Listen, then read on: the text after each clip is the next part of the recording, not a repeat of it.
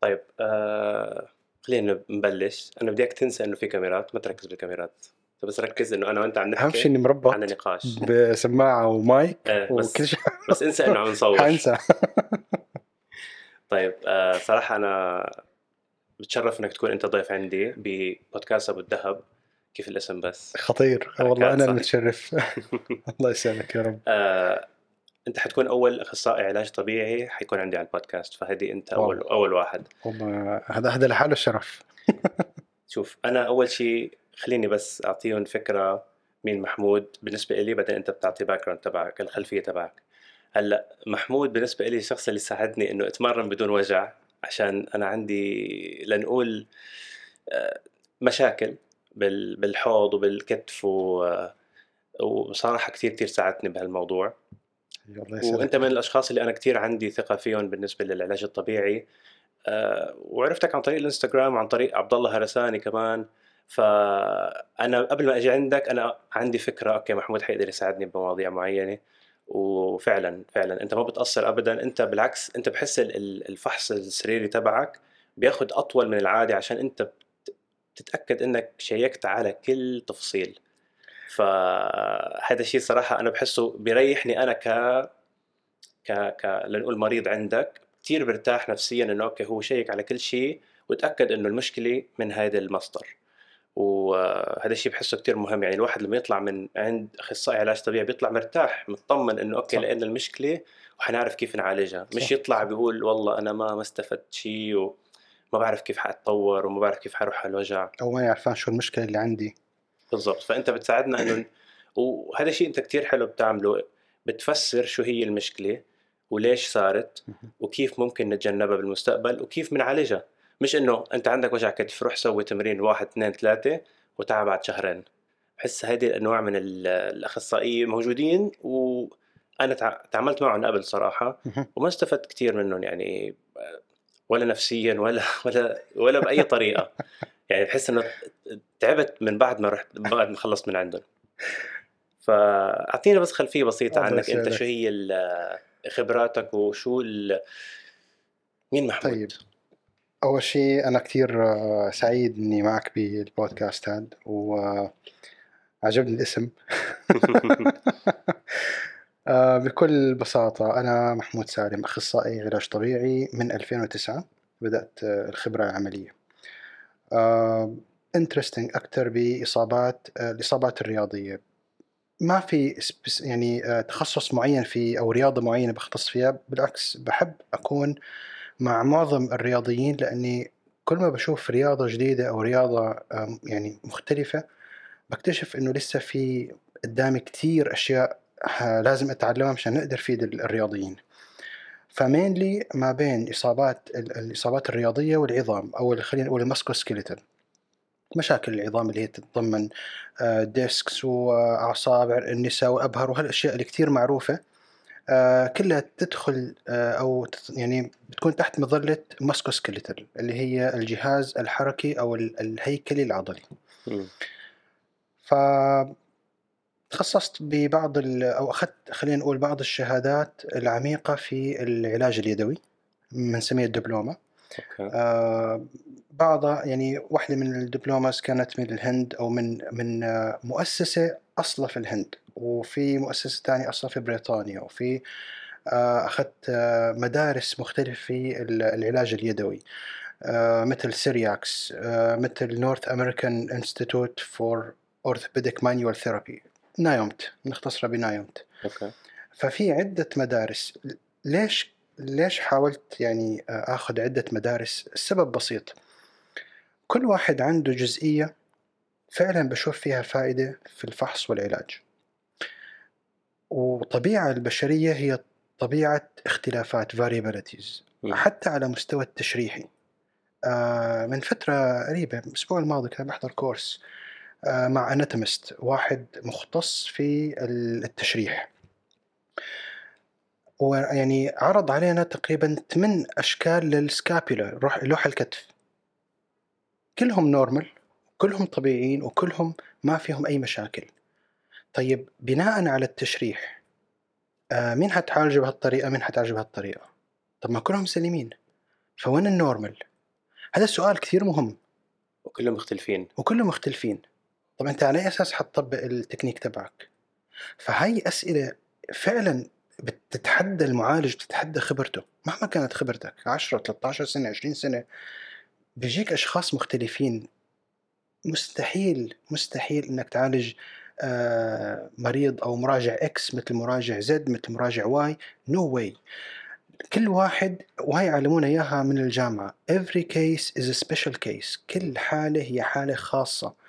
المقاييس تبعيتها بتكون بناء على الجسم تبعه بناء على آه، الهيكلية تبعيته على البرمجة الحركية تبعيته. فأكيد هذا الشيء اللي خلاني أدخل عدة مدارس بغض النظر عن أحيانا بيكون في كلام آه، متضارب على هالمدرسة. إنه هالمدرسة ما كتير قوية أو هالمدرسة يا أخي ما عندها strong evidence هاي المدرسة شوف بهالجزئية ضعيفة which is يعني normal طبعا ما في حدا كامل ولا في مدرسة كاملة. ولا يمكن آه، ولا أتوقع إنه توصل مدرسة معينة في سواء في العلاج أو في التدريب لل ultimate way اللي بتزبط مع الكل. ما أتوقع حيصير هالشيء. ليه؟ بكل بساطة بسبب الاختلافات اللي بنشوفها بجسم الإنسان.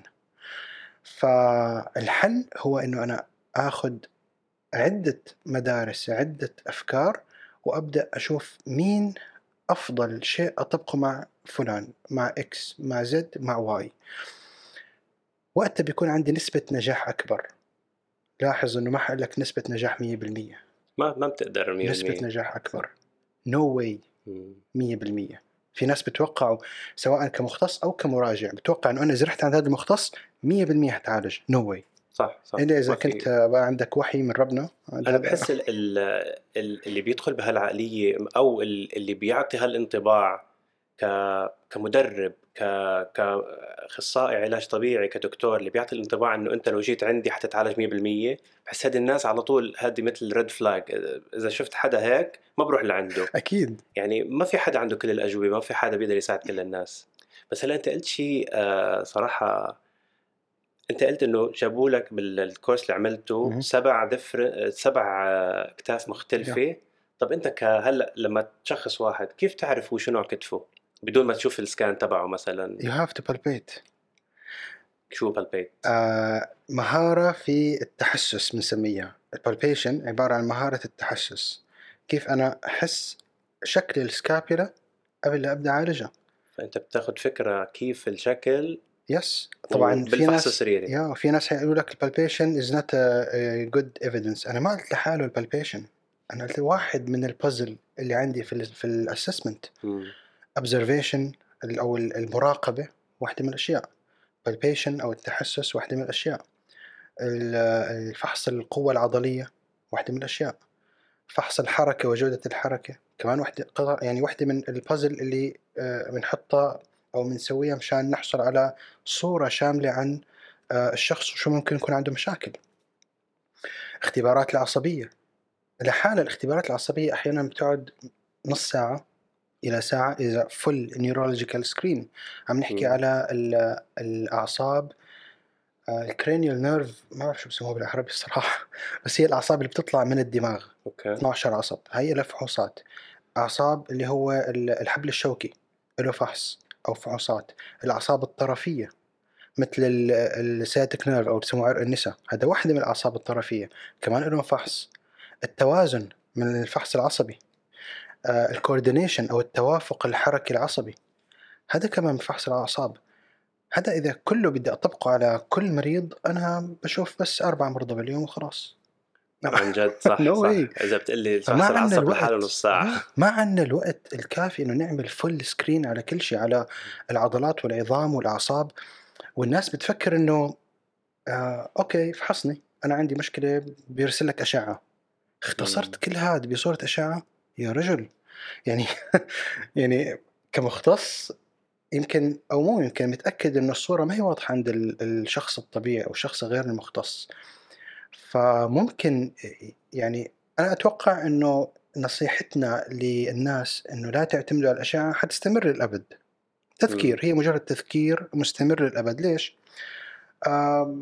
لأنه ببساطة الناس حتنسى وحيجوك ناس جداد ما عندهم هالمعلومة فبترجع بتذكر مرة ثانية وحيجوك ناس بعدهم ما عندهم هالمعلومة بترجع بتذكر.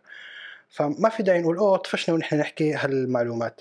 عادي لازم تذكر. لازم لازم بكل. بكل المجالات. بحس وخلي دائما الأسلوب في النصيحة هي أهم شيء مهما كنت عالم أسلوبك ضايع فيها أسلوبك صحيح. هجومي تخطيئي آه، فيه تجاوز حدود الأدب ما حدا حيرد عليك حتى لو معلوماتك صح حتى ما لو أنت مو معلوماتك صح لو أنت اللي مخترع المعلومة.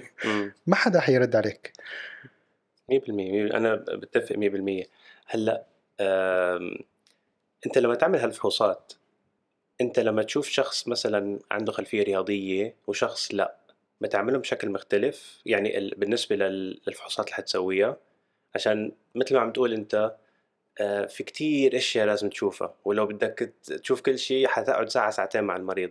صح. فأنت أكيد أنت حتى قبل ما تبدأ مع المريض بس لما تاخذ شوية معلومات منه عندك فكرة وين حتبلش وشو حتشوف. صح. يعني مثلا لو شخص آه، بغل مثلي أنا مثلا. جيت عندك. شو بغير بالعادة- تعبير على الحجم يعني. ما حدا يفهم شيء ثاني أوكي. يعني واحد معضل يعني. أيوه. أوكي. أجي عندك؟ بالعادة أنت شو أول شيء بت- بتشوفه؟ طيب أول شيء بتبدأ أول خطوة من خطوات الفحص بال history أو ال- المقابلة. أنا بدي أقابل هذا ال patient أو هذا المراجع. بدي آخذ منه history. أو قصة مرضية بنسميها أو قصة الإصابة. هذا الشيء بيعرفني عليه. أول شيء بذكر مثلا العمر. بدي بدي أعرف العمر لأنه في مشاكل تحدث بعمر صغير في مشاكل تحدث تحدث بعمر متوسط مشاكل تحدث لكبار السن حتى لو كان رياضي. فالعمر بيحدد لي بعض الأشياء اللي أستثنيها. عملية الفحص هي فعليا عملية استبعاد. صح. تيجي بتقول لي مثلا آه محمود أنا عندي ألم بالكتف. أنا أو من هالمعلومة فقط بمخي من cancer إلى شد عضلي. بسيط. كل هذا بمخي. بدي أستثني ال big issue ال serious issue اللي أنا بقول لك لا معلش مكانك مو هون. آه ما فيني أعالجك. آه أنت بتحتاج مختص فلان أنت بتحتاج بتحتاج أعصاب عظام أورام آه طبيب أسرة طبيب باطنة. فأول شيء ببدا, ببدأ بسأله بشغلة بنسميها ال red flags طبعا أول شيء بأخذ العمر بأخذ ممكن أخذ جزئية عن ال lifestyle بيدخن ما بيدخن آم، الحالة الاجتماعية لأنه بعدين بنطلع بنطلع منها على ال stress فالحالة الاجتماعية مهمة. عدد الأولاد أحيانا كم طفل عنده معناها حجم المسؤولية. مم. كل سؤال ما هو عبثي. كل سؤال بدي أعرف منه معلومة قد تفيدني في توجهي بالفحص. فبناخذ منه history أول شيء بعدين بنسأله عن ال red flags اللي هي علامات الحمراء. كثيرة. آه، حسب طبيعة ال- المشكلة. مثلا شخص عنده مشكلة في أسفل الظهر. آه بدي أستبعد إنه يكون آه في ضغط على الأعصاب اللي هي بنسميها cauda equina آه ضغط على الأطراف العصبية الأخيرة تحت بسموها متلازمة ذيل الحصان أظن بالعربي. آه هي لها علامات. مثلا ما بيتحكم بالمثانة. آه يعني الخروج بقول لك أنا ما بلحق حالي إنه بدي أروح ال- ال- الحمام الله يكرمك ما بلحق حالي أحيانا. آه أحيانا وظائف ال- الأعضاء التناسلية يكون فيها مشكلة. آه، إذا كان عنده خدر مستمر بالرجلين مستمر دائما لدرجة أنه ممكن بيقول لك أنا أحيانا بوقع أو يعني آه، بطيح آه، بسبب أني ما أشعر برجلي. لما تتجمع عنا أكثر من علامة حمراء مو علامة واحدة. أحيانا علامة واحدة ما تكفي لازم لا لكن لازم نكون حذرين لما تكون عنا علامة واحدة. لأنه في دراسة بتقول لك آه، 30% من الناس عندهم واحدة من العلامات الحمراء بس سليمين ما عندهم أي مشكلة. فمشان ما ندخلهم بفحوصات أو بأشياء ما يعني إجراءات تكون ما بيحتاجوها لازم نتأكد. فلازم يكون فحصنا كويس وجيد ودقيق. آه إذا تجمعت عندي أكثر من علامة ببدأ بحاول أستبعد هي الأشياء من خلال آه الفحوصات. آه بهاي الحالة نطلب الأشعة. بهيك حالات بنطلب الأشعة. ليش؟ بدي أتأكد ما في أورام. لا. سمح الله بالذات لو قال لي أنا مثلا عندي ألم في الليل. أنا بفيق كل يوم الساعة 3 بالليل لأني متألم. مم. كأنه الألم عنده مؤقت بفيقني الساعة 3 أنت لا روح اعمل لي أشعة ما حمسك ما حلمسك. أنا بتعرق لما لما بالليل لما بصحى هيك بنص الليل بحس حالي إنه آه، حران وفي متعرق. طيب ال- الجو بارد؟ بقول لك إيه الجو بارد بس مع ذلك عم بتعرق. okay لا أنت اعمل لي اشعه. لاستبعاد مشاكل كبيرة. هدول الناس هيك بتعاملوا. إذا خلصنا من ال red flags أموره طيبة ما في أي مشاكل؟ الآن ببدأ البحث عن المشكلة الحركية. اطمنا. إنه red flags ما في أي مشا... مشا... ما فيها أي شيء وسليم بيجي مرحلة ثانية بنسميها reassure طمنه. آه، طمن المراجع إنه مشكلتك مهما أنت حاسس بألم الآن مشكلتك بسيطة ليش؟ okay. لأنه ما هي serious pathology ما, ما هي شيء خطير ما هي مشكلة خطيرة تستدعي تدخلات طارئة وقتها هون ببدأ شغل العلاج الطبيعي وأبدأ البحث عن المشكلة فكرة هذا الشيء آه، أنا شخصيا ساعدني ال- اللي هو إنك تطمنه. أنا دخلت عندك أنا فاكر لما كانت مشكلة كتفي. أنا كنت فايت بعقلية إنه في شيء غلط بكتفي. في شيء يعني بال- بالمفصل نفسه في مشكلة. بس أنت قلت لي ما تخاف بناء على الفحص اللي سويناه والمعلومات اللي أعطيتني إياها س- يعني احتمال كتير صغير إنه يكون في مشكلة عن جد بالمفصل. فطمن تنحل إن شاء الله مشكلة عضلية وبنلاقي لها حل. وهذا الشيء صراحة لعب دور كتير كبير. يعني أنا دخلت على التمرين اللي بعده وأنا مطمن. لو أنت ما طمنتني على هالشيء حيدل براسي إنه لأ في مشكلة بالمفصل وحيأثر على الطريقة اللي بتمرن فيها. حصير. خايف أكثر وحذر أكثر بالتمرين وهذا الشيء كم- ما حيساعدني بأدائي. صح. هذا الشيء كتير آه، حلو. في نقطة أنت قلتها إنه أغلب الناس عندهم على الأقل علامة حمراء وحدة. وهذا الشيء بذكرني بشيء أنت وأغل... والشباب كلهم الله يعطيهم العافية بيقولوها ما تتكل على الأشعة. فأغلب الناس بيجيبوا بيجيبوا لك رنين وأنت قلت لي إنه أغلب الناس عندها مشاكل. يعني جيت لو عملت رنين لأي حدا حتلاقي مشكلة 100% حتلاقي مشكلة. صح. بس مش معناها هالمشكلة لنقول مشكلة مسميها يعني عم تسبب الألم.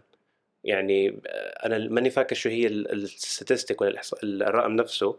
بس أغلب اللاعبين الرياضيين عندهم ديسك وعندهم آه،. هالانزلاقات وكله ما بيحسوا فيها وما بتأثر على أدائهم معناها ما بيحتاجوا آه، تدخل جراحي ولا شيء. فما بالآخر أنتم نصيحتكم ما تتكل على الأشعة ولا الرنين وعلى طول تنط للجراحة ولا تدخل طبيب هيك بهالطريقة. لأنه مجرد الاعتماد على اشعه نحن اعتمدنا على جزء واحد أو قطعة واحدة من البازل تبع الفحص. نحن مم. قلنا لو أنا نفس الخطأ لو أنا اعتمدت بس على القصة المرضية بس سمعت المريض وخلص يلا. يلا نبدأ نبلش العلاج. ما بينفع نبلش العلاج بعد القصة المرضية فقط مع إنه هي مهمة جدا وتكشف فوق ال 50% من المشكلة. مم. ستيل ما بنعتمد عليها بدنا بس. القصة كلها. بدنا القصة وبدنا الفحص السريري وبدنا الأشعة لو تطلب الأمر أو بعض الفحوصات المخبرية لو تطلب الأمر. هيك بصير عنا صورة كاملة عن المشكلة وبالتالي نسبة الخطأ حتكون جدا قليلة. صح. والخطأ بهالحالة حيكون خطأ آه ما هو خطأ استهتار لا يمكن إصلاحه. في خطأ آه malpractice سوء عمل. آه وفي خطأ ignorance إهمال. ال- ال malpractice أو ال lack of experience نقص الخبرة هي الأخطاء بسيطة. و- وفعليا ما بتأثر على صحة ال- الشخص لأنك أنت حريص. أخطاء ال ignorance الإهمال هي الأخطاء اللي لا تغتفر فعلا. آه sorry طبعا مش ال malpractice malpractice هذا سوء الاستخدام. هذا شيء خطأ. مثل ال ignorance مثل كأنك أنت مهمل. ما عم تهتم بمثلا التحذيرات تبع استخدام التكنيك هذا ال precautions okay. لما أنت بتهمل هذا الشيء أنت بتعرض الشخص ل... لإصابة أكبر أو لمشكلة أكبر. يعني فكر فيه كواحد من your family member أو واحد صح. أمك أبوك أخوك صح. أكيد ما حترضى إنه ينأذى. فكر فيهم بهالطريقة أكيد حتاخذ كل ال precautions كل التحذيرات أو الاحتياطات لما بدك تشتغل معهم أو تعالجهم آه، أما ال ignorance هذا اللي لا يغتفر هو وال malpractice هذا شيء يعني آه، جدا سيء فنحن لو اعتمدنا على بس الاشعه malpractice لو اعتمدنا بس على ال- القصة المرضية malpractice بس الناس. يعني ما بعرف متساهلين شوي غطيت الموضوع. كثير ناس للأسف يعني. يعني ما بالأخير هي مهنة هي مهنة. ليش ليش مهنة شريفة؟ آه، لأنه فعلا أنت you care أنت. مهتم باللي قدامك. آه، كإنسان اولا وأخيرا بغض النظر عن شو هو. شو جنسيته شو أصله شو ديانته بالأخير أنت مهتم فيه كإنسان مم. آه، القسم اللي من اللي بيسووه الأطباء ما هو عبثي بتعالج عدوك هلأ لو بتجينا بنسأل أخصائيين لو اجى واحد آذاك فعلا آذاك وإجا قال لك أنا عندي مشكلة بدي إياك تعالجني كيف إحساسك؟ دخلنا باسئله كثير. بعيدة بس آه هاي وحدة من الإثكس من الأخلاقيات المهنة مو سهل الواحد يطبقها. فعلا مو سهل الواحد يطبقها. بس بس هي تعطي آه ليش الواحد ع- فعلا بيهتم إنه يبرع في هالمجال. لأنه فعلا شيء إنساني. وفعلا آه لما بيكون عندك هالإنسانية حتفيد لا شك. فهي واحدة من الأشياء اللي كثير أنا بهتم فيها و ويعني ما بقول إني أنا كثير ممتاز فيها يعني still الواحد ما- لا يخلو من الأخطاء البشرية الطبيعية اللي عند كل الناس مم. ف طيب أنا عندي سؤال شوي يعني آه، بما إنك أنت جبت سيرة ال ethics والأخلاقيات. أنت شفت المسلسل الجديد على نتفليكس آه، دامر لا والله هذا عن واحد serial killer مهم. قتل فوق 17 واحد و آه، يعني قص شو اسمه جسم انقطع واكلهم أكل اعضائهم واحد مجنون. صراحة مسلسل رهيب. آه، هو documentary عن آه، حياته لهالشخص. okay. فلو أنت كنت بموقف إنه هذا الشخص برا العيادة okay، بمول شفته تأذى أوكي، كسرت إيده صار له شيء هل بتساعده؟ ليش الأسئلة الصعبة أنا بسالك هالسؤال عشان أنا سألت هالسؤال امبارح. وبدي أشوف جوابك أنت كشخص أنت من جزء من مهنتك هذه الاثكس إنك تساعد ال- شو اسمه هلأ ناس مثل هيك صراحة اللي ما بيستاهلوا أي شيء خير بالحياة بس لو شفت واحد مثل هيك وأنت عارف خلفيته ومتأذي وحيموت مثلا لو ما ساعدته هل بتساعده؟ والله سؤال صعب. امم إذا ما طلب مني مساعدة ما بساعده. أوه والله. مم. ليه؟ ما طلب مني مساعدة. طب هو ما لازم يطلب منك مساعدة أنت يعني أنت عندك أنت عندك القدرة إنك تساعده. هو شوف القسم ما بيقول إنك تساعد كل الناس. بس اللي بيطلبه منك حتى لو كان عدوك. ف... ففعليا يعني لأنه بالأخير أنت بدك تفكر بالمصلحة العامة. المصلحة العامة تقتضي إنه لو أنت عالجته في احتمال كبير يأذي آه، نسبة كبيرة من الناس بينما أنت همك إنك مم. تساعد الناس. طب أنت ما حققت المصلحة هي. فعليا هدفك ما حققته. كيف تحقق هدفك؟ إنك تقلل الضرر. طيب لو كان تقليل الضرر هو مثلا إنك آه، ما تنشر معلومة خاطئة لناس معينين. ومنها ضمن هالناس مثلا يكون الناس أصحابك. لك ليش ما بتنشر لي آه، معلومات؟ ليش ما بتنشر لي هال post ولا هال؟ تقول له يعني معلوماتك ما هي دقيقة مم. ال evidence واحد اثنين ثلاثة. هذا الشيء بيأثر على الناس. ما فيني ساعد بإنك تأثر على الناس إلا إذا أنت أعطيتني evidence إنه فعلا it's helpful وأنا وقتها حنشر و I'm happy إني أساعد بالشيء. فنفس الشيء هلا هذا لو ساعدته. في الغالب حيأذي ناس. فأنا ليش عم ساعد شخص حيسبب لي أذى أكبر وأنا هدفي إنه ما يصير في أذى؟ فهي موضوع شوي آه كمان آه ما هو قسم معناها شيء منزل هو بالاخير ما هو قسم آه إلهي.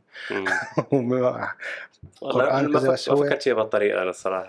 طبعا ال- ال- المنفعة العامة هي مقدمه على المنفعة الخاصة. صح صحيح. فأنت يعني مثلا لو أنا حأسوي شيء معين حأضر نفسي بس أضر نفسي بشيء بسيط. بس حيستفيد من هذا الشيء آه، ألف شخص. okay ما في مشكلة. طب عندك ولا تلقوا بأيديكم إلى التهلكة؟ أنت مأمور أنك ما تأذي حالك. طيب بس هي أذية مؤقتة وما حتأثر علي لدرجة التهلكة. مم. يعني مثلا والله أنا آه، الأسبوع هذا سهرت زيادة فأثر على صحتي بس لأني عم بعمل آه، محتوى. خلينا لا نضخم الأمور الشيء بسيط. محتوى هذا المحتوى العلمي حيفيد ناس كتير. okay ما في مشكلة. فهذا الشيء المصلحة العامة مقدمة على المصلحة الخاصة. فهذا الشيء اللي بيخلينا آه، ليش أحيانا يعني واحد بيضحي شوي بوقت بيضحي شوي بجهد آه، بتعب زيادة لأجل المصلحة هاي. عجبني عجبني الجواب الصراحة. أقنعتني. اقنعتها خلاص؟ طب أنا عندي سؤال هلأ حاسالك إياه عشان أنا بيجيني هالتعليق كثير على كثير من المحتوى اللي أنا بنزله. عشان أنا طبيعة الرياضة تبعي powerlifting نرفع أوزان عالية دائما واللي بيشوف الرياضة من بعيد بيشوف عنده منظور إنه الرياضة هي خطر ولازم نتجنبها وما في لها داعي. ف بالعادة بيجيني التعليق بيقول لي كابتن خفف الوزن والعب صح. أو ال- الرياضة هذه ما لها أي فايدة أنت عم تأذي نفسك ولا ما تلعب squat ركبك حتروح فيها ولا ما تلعب deadlift حيجيك disc بظهرك. فأنا سؤالي لك هل رفع الأوزان الثقيله العالية خطر؟ شوف شال الساعة معناها الموضوع صار خطير. نبدأ الموضوع. طيب هلا لما نجي نحكي على رفع الأوزان ايا كانت الأداة؟ يعني رفع الأوزان عم نحكي على تمارين مقاومة. م. الهدف منها زيادة قوة. متفقين على الكلام أغلب الناس وبعض المختصين سواء آه، معالجين أو مدربين بيخافوا من أكثر حركتين شو هنن؟ deadlift squat شكرا عشان هدول أكثر هدول. أكثر حركتين بيجي عليها تعليق عندي بالضبط. هلأ مع إنه في عنا بعض الرياضات فيها حركات أخطر وممكن يتسبب في أذى أكثر مثل ال over extension في عند ال- ال- ال yogis أو عند ال- ال- الباليه آه، عند ال gymnastics في عندهم حركات فعليا ممكن تعطي إصابات serious أكثر من رفع الأوزان طب هي ليش ما بنحذر وهذول منها؟ بوزن جسمهم وهذا بدون وزن أوزان. جسمك طيب هل الحركة هي السبب في المشكلة؟ حنجاوب عليه بعدين لكن فعليا إذا بدنا نقول هل رفع الأوزان الكبيرة هي المشكلة؟ لا هي ما هي مشكلة بحد ذاتها طيب آه ليش الناس بت- بتحذر منها؟ في الغالب بيحذروا منها بسبب ال- ال- السبب الأكبر شيء اللي هو إصابات لك حتجيك إصابة م. طيب مع إنه في رياضات تانية إصاباتها أكثر إحصائيا بس ما حدا بيحذر منها بل لو أنت حذرت منها حيقولوا أنت عم فيك شيء. ومنها شو؟ كرة آه، القدم. بالضبط. يعني إصابات لكرة القدم أضعاف. American football. مم. رugby إصاباتها very serious ممكن تسبب شلل ممكن تسبب concussion ارتجاج في الدماغ. إصابات حقيقية تأهيله بيطول سنوات وممكن ما يتأهل 100% طب هي ليش ما بنحذر منها؟ طبعا هلأ حيطلع لك ناس بيقول لك لا في ناس بيحذروا منها وبأمريكا عاملين آه، جمعية يحذروا ويخففوا من هال... صح بس ما شفنا آه، تحذير مبالغ فيه مثل رفع الأوزان.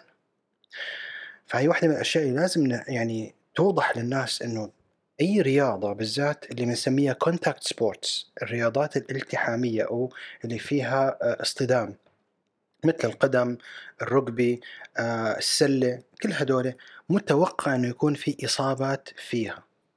فاللاعب بيدخل هو بيعرف إنه أنا قد تجيني إصابة. عشان هيك حنرجع جزئيه لاحقة اللي هي برامج الوقاية من الإصابة. لكن هذا الشيء أكيد. طيب خلينا نقارنه. يا محمود والله بدنا دراسات. ما بدنا حكي. هلا الدراسات موجودة وما بعرف إذا فينا نحط بعدين لينك فيني أحطها بالرابط. يا ريت. بالوصف. دراسة قارنت رفع أوزان آه، برياضات أخرى. الرياضات آه، ما فيها اصطدام. وجدت أنه نسبة التعرض للإصابة أقل أقل بكثير من الرياضات الثانية.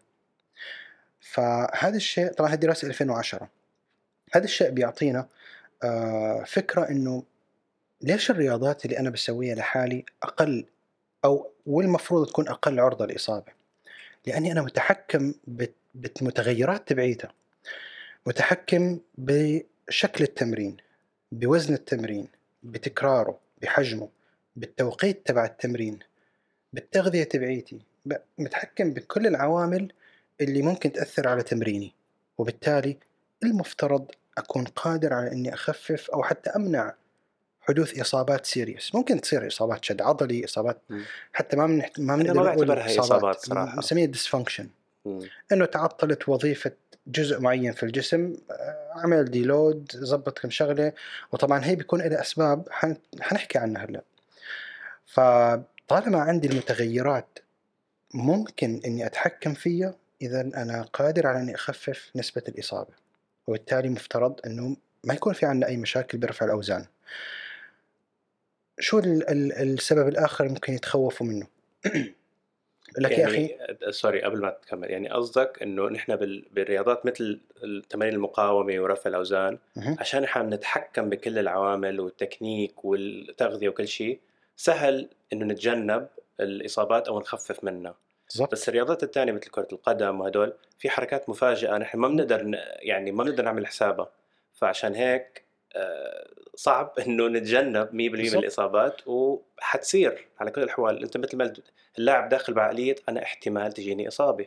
تمام. والاحتمال أعلى بالرياضات اللي فيها هيك حركات مفاجأة. غير تمام. ال powerlifting إحنا ثلاث رفعات بسيطة. حافظينها حافظين كيف النزول تبعها فأسهل علينا إنه نتجنب الإصابات. بالضبط. آه نسبة ال- العوامل الخارجية المفاجئة قليلة جدا. تكاد تكون تكاد تكون معدومة. آه مثلا لك يا أخي رفع الأوزان ممكن يزود بإصابات معينة أو يزود بأمراض معينة. وبالذات الناس بيقول لك شوف بعد ما عمل تمارين المناعة وجدوا أن المناعة بتقل. طب هذا آه بيقل آني بشكل مؤقت فقط. آه، صح. استنى ساعتين. ثلاثة بيرجع طبيعي. فهذا الشيء طبيعي بيصير. لكن تعال شوف الناس اللي ما بيمارسوا رياضة قديش بيتعرضوا لإصابة لأمراض مو إصابات عم نحكي عن أمراض. الأمراض غير معدية مثلا سكر ضغط هالأشياء. آه في دراسة systematic review اللي هي systematic review مراجعة شاملة. وجدوا إنه رفع أوزان رفع الأوزان بشدة عالية بتخفف آه، الموت المبكر والتعرض للإصابة لل- للأمراض الغير معدية من 10 إلى 20% أوف. وإذا دمجت معهم شوية cardio مو بالضرورة بنفس اليوم يعني زيادة تمارين لياقه تصل هاي النسبة ل 60% أوه. فأنت عندك 60% chance إنك تحمي حالك من الأمراض هدول لأنك عم ترفع أوزان وعم تلعب شوية cardio. طيب ليش ما ليش ليش أتخلى عن هالشيء؟ بس لأنه والله في احتمالية إصابة وبهالإصابة بتكون أسبابها مو مثل ما أنت كنت معتقد. أسباب الإصابة هي حنجي ذكرى ليش بتح... ليش بتحدث ليش آه، تحدث الإصابة هي؟ أنا عن جد ما بفهم ال ال ال- التفكير هذا ليه؟ عشان أنت لو دخلت بهالعقلية لو طبقت هذا ال- التفكير على كل شيء بحياتك ما حتعمل شيء. طبعا. ما راح سافر عشان في احتمالية الطيارة توقع. بالضبط. ما راح أروح للشغل عشان احتمالية أسوي حادث بالطريق. ما راح أقطع الشارع احتمال سيارة تضرب طب إذا أنت الاحتمالية الصغيرة هاي حتوقفك من كل شيء أنت خليك قاعد بالبيت ما تعمل شيء. في احتمالية كمان نصاب زاد بالبيت. صح صح مزبوط يعني خ- رايح فيها على كل الاحوال أكثر على فكرة. سبحان الله. ف أنت فك... عم تقول 60% بيساعد. بس مجرد إنك تسوي تمارين مقاومة وشوية cardio. ف هذا أقنعني صار 60% 60 أحسن من آه، أحسن- صفر. أحسن من صفر. أحسن من أقل من يعني مو صفر بس آه، ال inactive أو خلينا نقول نمط الحياة الغير نشط. كثير الناس بحذ مو كثير خلص صار تعميم بمنظمة الصحة العالمية. صار من ضمن الأشياء الأساسية إنك تمارس الرياضة آه، بمعدل 150 دقيقة cardio 60 أو 90 دقيقة آه، تقوية يعني حسب ما بتذكر في التوصيات. فأنت عندك على الأقل نص ساعة يوميا بدك تعمل فيها أما cardio أو تقوية خمس أيام في الأسبوع. مشان تحافظ على صحتك فقط. يعني أنت ما عم هذا ما هو مستوى شخص رياضي. هذا مستوى شخص بيجي بيقول لك أنا بس بدي أحافظ على صحتي. أنا همي أنه أحافظ على الصحة آه، أعيش حياتي آه، خالية من الأمراض أو بعدد آه، حدوث أمراض قليلة جدا. إيش لازم أسوي من الناحية الجسدية؟ 150 دقيقة 60 دقيقة. 150 دقيقة آه، لياقة. 60 تقوية اللي هي معدل يومين بالأسبوع. فصار شيء أساسي ما هو. شيء اختياري. آه في ناس يعني نستبدل حلقة نتفليكس بالرياضة وخلاص امورنا. تمام. مثلا أو يعني ما استبدلها تفرج على نتفلكس وانت بتتمشى والله فكرة صح صح. حط treadmill قدام التلفزيون و... آه في ناس مثلا بيقولوا لك آه إنه بتسبب إصابات وبالذات للكبار. ما بنحسن نعطيهم لكبار السن. آه أنا بشوف العكس. بالضبط هو العكس. آه الدراسة هي هي randomized control trial. دراسة عشوائية منضبطة. عشوائية طبعا آه مشان صدمني واحد بيقول لي محمود هي دراسة عشوائية. يعني ما هي ما هي قوية. لا مش قلت هيك قلت له لا. بحس فاهم الموضوع إيه، غلط. قلت له لا أنت فهمان كلمة عشوائية. يعني عشوائية عشان نخفف حدوث آه، الصدفة. ف... فقلت له لا بالعكس هي تعتبر أقوى من إنك آه، بس تجيب آه، مجموعة ناس وتراقبهم. هي أنت بتحطهم ب آه، خلاص أنت عم تاخذ فئة معينة من الناس تجري عليهم تجارب معينة منضبطة ب- بطرق معينة أو منهجية معينة مشان تطلع بنتيجة إذا كان هذا الشيء مفيد أو غير مفيد. وبتقارنها بتقارنها بناس ما عم يعملوا هذا الشيء. الدراسة هي شملت 100 سيدة فوق الستين سنة. عندهم هشاشة عظام. إذا كبار سن عندهم مشكلة صحية هشاشة عظام. إيش المطلوب منهم؟ خمس جولات deadlift و squat على شدة 85% من ال rep max. أنت عاد أدرى. أنت آه. عندك الموضوع. هذا يعتبر شدة عالية ولا لا؟ شدة عالية. شدة عالية. يعني آم، مرتين في الأسبوع لمدة 8 أشهر. النتيجة خلال كل هاي المدة فقط سيدة واحدة. في واحدة من الحصص التدريبية خلال الثمانية أشهر تعرضت لإجهاد. إجهاد فقط يعني تشنج عضلات أسفل الظهر آه، خلاها تمتنع عن إكمال البرنامج لمدة أسبوع فقط بعدين رجعت كملت. ما ما يعني كملت الثمانية أشهر. ما بيأثر على الدراسة هذا ابدا. يعني. حتى ما بنقدر نعتبره إصابة. بالضبط. لذلك استنتجوا انه تمرين ال deadlift وال squat بهذه الأوزان ما هي خطيرة. ليش؟ هنا في شيء. حتى لو عنده هشاشة الشخص شرط التدرج. التدرج المناسب. حنجي على كلمة تدرج. لكن في ناس بيقول لك طيب محمود في يا أخي دراسات بتقول لك آه، في البايوميكانكس إنه الضغط بيكون جدا شديد على الظهر على الفقرات الظهرية. وبالذات آه، اللي هو بسموه ال shearing force أو قوة القص اللي هي فعليا عندنا فقرة وفقرة تحتها. الفقرة اللي فوق بتتجه للأمام واللي تحت للخلف عكس بعض. هي اسمها قوة القص. وقوة الضغط اللي هي ينضغطوا على بعض. في دراسة على بشر لأنه عادة دراسة النوع آه، من هذا آه، اللي هي القوة اللي بتصير على الظهر أغلب أو كثير من الدراسات القديمة كانت على كدافرز إما على جثث أو على آه، مثل مجسمات بيصنعوها تشابه الإنسان ويطبقوا عليه الدراسات كيف؟ لأنه كان يعني صعب تطبيقه على البشر هذا زمان. فمشان هيك بعض الدراسات مثل ال text neck syndrome هذا در... هذا كيف عملوا الدراسة هي بكل بساطة جابوا رقبة مص- مصنوعة مثل مثل المانيكان اللي بيكون بمحلات ال- الألبسة وحطوا sensor على ال- الفقرة السابعة وميلوا الرأس بزوايا معينة وشافوا ال pressure على ال sensor كم؟ بكل زاوية. واستنتجوا إنه كل ما زاد النزول تبع الرأس كل ما زاد ال pressure اذا هو خطير. يعني أول شيء الدراسة ما كانت على إنسان. آه. والإنسان من أهم خصائصه التكيف. أنت ما, ما, ما عملت أي تكيف. جبت جثة وعم تطبق عليها وجبت آه شكل يعني آه مجسم وعم تطبق عليه. آه. لغيت أهم ميزة الله خلقنا فيها وهي التكيف. ثاني شيء مين قال إنه اللود يساوي انجري الحمل يساوي إصابة. مين حط هالقانون؟ ما هو موجود.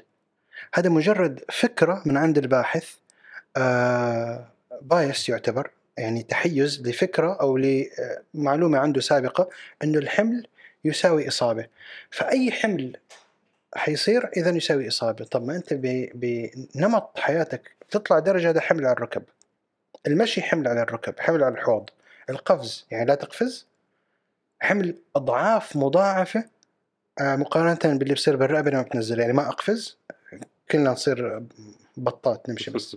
فما ما هو منطقي ابدا. صح. ف فالدراسة هي أخذت 30 شخص وطلبوا منهم رفع صندوق أو يعني آه، شيء وزنه 15 كيلو من الأرض بثلاث طرق مختلفة.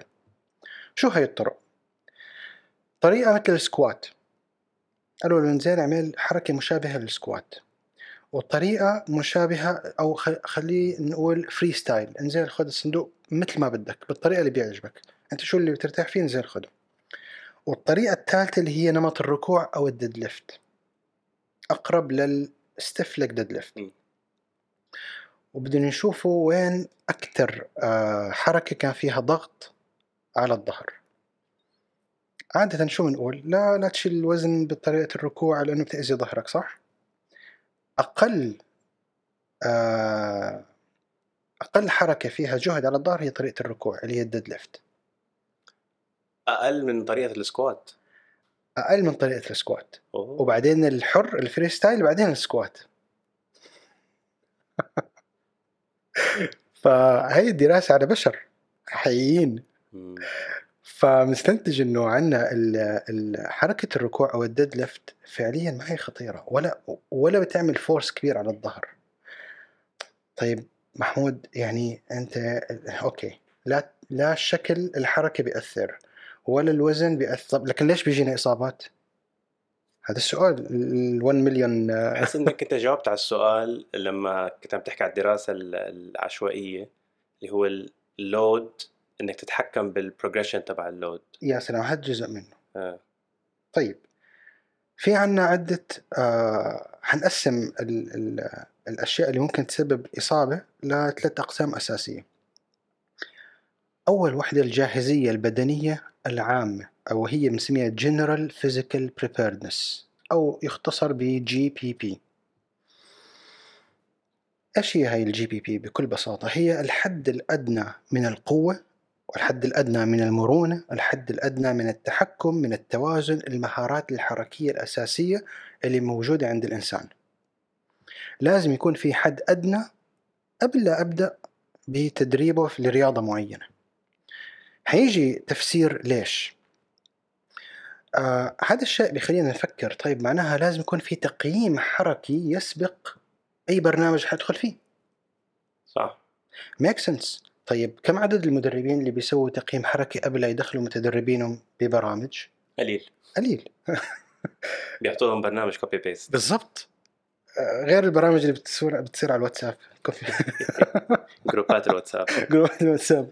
أنا بسميها مثل جروبات الأمهات بس يعني آه، جروبات الواتساب هي صراحة والله شوف هي فيها منها فائده إذا كان الشخص عم بيستخدمها بطريقة جيدة. لكن بهيك تق... بهيك آه، طريقة آه، جدا عامة وما حتفيد الناس حتاذي الناس. فهذه واحدة من الأشياء اللي لازم آه، تكون موجودة قبل لا يبدأ الشخص بتدريب معين عشان نعرف الكفاءة اللي موجودة عنده. هل هو جاهز فعلا ولا لا. آه طيب.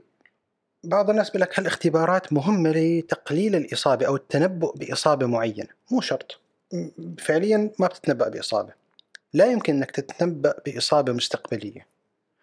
الدراسات أثبتت هذا الشيء وفي كثير آه، أنا أخذت آه، دورات تقييم حركي آه، في البداية كانت على أساس إنه نقيم الحركة فنتنبأ إنه هل ممكن يتعرض لإصابة أو لا. فعليا لا يمكن التنبؤ بإصابة إلى الآن. طيب إيش فائدة الاختبارات هدول بالرغم طبعا من إنه بعض ال- التقييمات وجدت إنه الأشخاص اللي أخذوا درجة مرتفعة يعني كانوا كويسين في التقييم ال- الحركي أقل عرضة بثلاث بثلاث مرات ونصف من الأشخاص اللي أخذوا آه، تقييمات قليلة إنه آه، كان آه، كفاءتهم قليلة طيب هل هذا بناخذ الاستنتاج إنه أوكي إذا يلا نقيم مشان نتنبأ؟ لا ما له علاقة بال- بالتنبؤ. آه ما هو شيء يساعدنا في التنبؤ بالإصابة. هو مجرد تخمين. طيب. هذا الشيء بياخذنا لاستنتاج من الحكمة إنه ما نقدر نتنبأ بالإصابة. يعني صعب يكون يعني صعب أن نتنبأ بإصابة بسبب بسيط. الآن أصبحنا آه، على علم إنه الإصابة متعددة العوامل مالتي فاكتوريال وبالتالي هو مو فقط القدرة البدنية تبعيته. في عوامل تانية وبالتالي أي اختبار حركي لا يكفي إني إني أقول آه أيوة هذا ممكن يجيله إصابة هذا عرضة للإصابة أكثر. نفس الشيء في التقييم أو في في الفحص والتشخيص لو أنا أخذت فقط الأشعة وتنبأت منه إنه هذا عنده مشكلة بسبب هذا الشيء. فهي نفس الشيء بس الفرق هذا مع الرياضيين هذا مع المصابين. هذا الفرق. فلا يمكن إني أنا آه، أجتزئ التقييم البدني والتقييم الحركي فقط على الجسد طب في عامل النفسية في عامل البيئة في عوامل تانية. فهذا الشيء اللي خلانا آه، يعني ندرك إنه ما بيكفي التقييمات الحركية مهما تعددت مثل مثلا FMS اللي هي functional movement screen أو functional movement system واحدة من الأشياء اللي آه، واحدة من التقييمات الحركية الممتازة جدا لكن لا تتنبأ بالإصابة. تكشف لك وين نقاط الضعف. وهون بيبدأ آه، السؤال آه، ليش بنسوي التقييم؟ شو فائدته اذا واحد التعرف على نقاط الضعف والمشاكل الحركية الحالية لتحسينها وتطويرها اثنين إظهار الإصابات الحالية والإصابات اللي ممكن تحدث. اللي ما تأهل منها الشخص والله جاني شخص آه، ما عنده ألم بس كان عنده إصابة من سبعة ثمانية سنوات أثرت على جودة الحركة الآن ما عنده ألم لكن جودة الحركة قليلة. هذا بنحتاج إنه نعمله تقييم مو لأجل نتنبأ هل حيصير معه إصابة ولا لا بل آه الهدف منها تحسين وتأهيل الشخص من الإصابة السابقة اللي ما تأهل منها. ثلاثة تطوير المهارات التواصل ما بين المختص والرياضي. لما يشوف الرياضي شخص بيعمل له تقييم حركي وبيظهر له نقاط الضعف ونقاط القوة وهون أنت أفضل وحنشتغل صار في كوميونيكيشن جيد في البداية. الشيء الرابع والأساسي والمهم وأنا بشوفه جدا مهم تجميع معلومات أولية بتساعدنا على فهم طبيعة جسم الشخص على مراقبة التطور و... وإذا تعرض لإصابة عندنا baseline متى يرجع للملعب متى يرجع للرياضة. فهذه هذه الأربع نقاط الأساسية من التقييم الحركي. أيا كان التقييم اللي حتقنع في مدارس كثير للتقييم الحركي. لازم تكون عندك هالأربع فوائد آه، يعني تتغطى بها التقييم بالآخر لابد من التقييم عشان بناء عليه تقدر تحدد شو هي التمارين اللي حتعطي إياها وشو هو البرنامج اللي حيمشي عليه. ما بتقدر تعطي واحد عنده مشكلة بظهره ومشكلة بكتفه نفس التمارين. بالضبط. اختبرت واحد مثلا طلع عنده limitation في ال external rotation الدوران الخارجي للحوض في وحدة من الجهات. هل حتدخله على طول ال sumo squat لا ما حيقدر يسويها. أو ال sumo deadlift sorry. صعب جدا. صح. آه وبالتالي أنا لازم أهتم قبل لا أعطيه البرنامج أحسن له ال mobility في ال hip في الحوض. فهي واحدة من الأشياء اللي لا يمكن إنك تكتشفها إلا إذا قيمت. آه طيب. النقطة الثانية. التدرج. قاعدة ذهبية.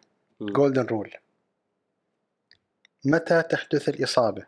كل اللي بيسأل محمود أمتى بتصير الإصابة أو شو سبب الإصابة؟ When you do too much too soon after doing too little for too long. خطيرة السجعة فيها مم. لما بتسوي جهد قليل لفترة طويلة وبعدين فجأة قررت تسوي جهد كبير من غير تدرج طويل بسرعة. يعني مثلا ناخذها من عدة رياضات. أنت شخص كنت معتاد على آه، نظام البادي بيلدينج. ما بترفع أوزان آه، كبيرة جدا لأنه هدفك بيكون بناء عضلي فمو بالضرورة تكون دائما max. لأنه أنت هدفك hypertrophy ومستمر على هالتمارين وثلاث أيام بالأسبوع كافيتك وأمورك طيبة. فجأة قررت تروح عجبتك ال powerlifting ودخلت بدك تبدأ بال powerlifting آه، بهاي الرياضة. ورحت عند مدرب وأعطاك آه، program خمس أيام ورفع لك بيه ال- ال load ال percentage وأنت بعد ثاني أسبوع oops إصابة. والله هذا ال powerlifting بسبب لنا إصابات. طبعا مو ال powerlifting التدرج الخاطئ اللي صار. لا الحديد خطأ ولا ال powerlifting خطأ الخطأ هو التدرج اللي صار مفاجئ. صح. ناخذها مع العدائين. شخص كان آه، عنده هواية الجري بيطلع يومين بالأسبوع بيركض ثلاثة أربعة كيلو. سمع على ماراثون ولا هاف ماراثون وحب يشارك فيه ولسه قدامه شهرين. قال لك لازم أستعد. خمس أيام في الأسبوع خمسة كيلو. إصابة. فالخطا مو الماراثون. ما ح... ما بطلع بقول للناس يا جماعة لا حد يسوي ماراثون لأنه الماراثون مضر. شوف سبب إصابة. ولا بطلع بقول للناس الجري خطأ. لا حدا يجري. الخطأ هو كان بالتدرج. فهي قاعدة ذهبية في أي رياضة كانت. martial آه martial art شوي حنتجنب إنه هي فيها أصلا آه صد يعني فيها يعني contact خلينا ناخذ أي شيء غير آه contact ما في contact non-contact sports مثلا آه الجري ال ال اليوغا على فكرة ممكن يصير فيها إصابات إذا كان تدرج سريع. ال lifting سواء powerlifting أو مثلا bodybuilding أو أي رياضة كانت. فكل الرياضات اللي ما فيها احتكاك التعرض للإصابة بيكون واحدة من الأشياء الرئيسية التدرج. فهذا الشيء بس هون بيجي آه، دور المدرب الفاهم. يس. عشان آه، ما في مدرب عن جد فاهم بالموضوع حي... حينططك هيك من آه، من شدة معينة لشدة كثير أعلى منها بفترة كثير بسيطة. أنا ذكرتني أنت بموقف صار معي من مع واحد من المتدربين عندي. ما كمل معي شهر ووقف. اشترك معي وبعد أول أسبوع قال لي متى حنجيب PR آه، متى آه، أجيب 1 rep max متى ححاول أرفع أعلى وزن بقدر أشيله؟ لسه ما كمل أسبوع معي. قلت له لا الموضوع مش هيك لازم ناخذها حبة حبة ما بنقدر ننط على طول من واحد لعشرة. فانتهى الشهر وما جدد معي شكله ما عجبه الوضع. ف الناس هاي ما يعني ما تستعجل. النتائج حتجيك حتجيك. هي بالآخر السر الوحيد اللي بالنسبة لي أنا شايفه ال... لو حدا هلأ وقفني على الشارع قال لي صالح أعطيني نصيحة واحدة بس. بس نصيحة واحدة بال powerlifting شو, شو ممكن يساعدني؟ ال consistency الاستمرارية. أنت بس بالزبط. أنت لو كملت حتوصل للهدف اللي بدك إياه. يمكن بعد سنة سنتين ثلاثة أربعة خمسة عشرة بس حتوصل. أنت المهم كمل ولا تقطع. وامشي بتدرج معقول. وحتوصل للي بدك إياه. ما في داعي نستعجل. كلنا بدنا نركض ماراثون كلنا بدنا نشيل ألف كيلو بس في خطوات لازم ناخدها عشان نوصل لهالمرحله ما فينا ننط. بالضبط بالضبط آه وهي طبعا يعني على كل الرياضات والمشكلة أحيانا شو بيصير؟ على نقطة إنه في مدربين أحيانا ما بدهم آه, آه، يخسروا هدول الناس. فبتساهلوا. أوكي يلا جرب بعد أسبوع أو جرب مثلا زيد الشدة. وبكون أحيانا بيكون يعني خطأ يسوي معه هذا الشيء. لا تخسر يعني مو لا تخسر لا خسار ال ال الشخص هذا اللي ما بده يكون مثقف على إنه سمعتك تخسره. لا أنت حتخسر سمعتك لو قلت أنا رحت عند هذا المدرب وصار لي إصابة. لكن لو رحت هالمدرب وما خلاني أرفع PR أوكي. كويس بالعكس مدرب ممتاز. طلعت منه سليم. بالضبط طلعت منه سليم. آه يعني هو لو كملت معه كان حيوصلك لل PR بس أنت مستعجل. ففعلا العجلة ابدا ابدا آه ما بتساعد لا بالعلاج ولا بالتدريب. في نقطة مهمة جدا. هل حركات ال squat وال deadlift تعتبر حركات آه طبيعية؟ يعني الحركات نفسها يعني بالبار؟ آه لا من غير بار. حركة آه، squat. بعتبرها طبيعية. يعني المفروض كل كل إنسان عنده القدرة إنه يسوي squat و deadlift عشان هذه حركات بنستعملها بحياتنا اليومية. بالضبط. لا في حرك الحركات بشكل عام طبيعية. كلمة squat هي فعليا بال DNA تبعنا ما في شيء اسمه squat. بال DNA ما في حركة محفوظة أو نمط حركي محفوظ اسمه squat. نحن تعلمناه. لما نقول والله آه، اثني حوضك 120 درجة وركبك آه، 90 درجة أو آه، 120 درجة كمان أو القدم آه، 60 70 درجة. okay يعني شو هالحركة؟ آه اسمها squat. نفس الشيء بال deadlift. فعليا ما في حركة محفوظة بال DNA يعني لو بتيجي واحد عمره ما شاف حدا عم يسوي رياضة قلت له اعمل squat.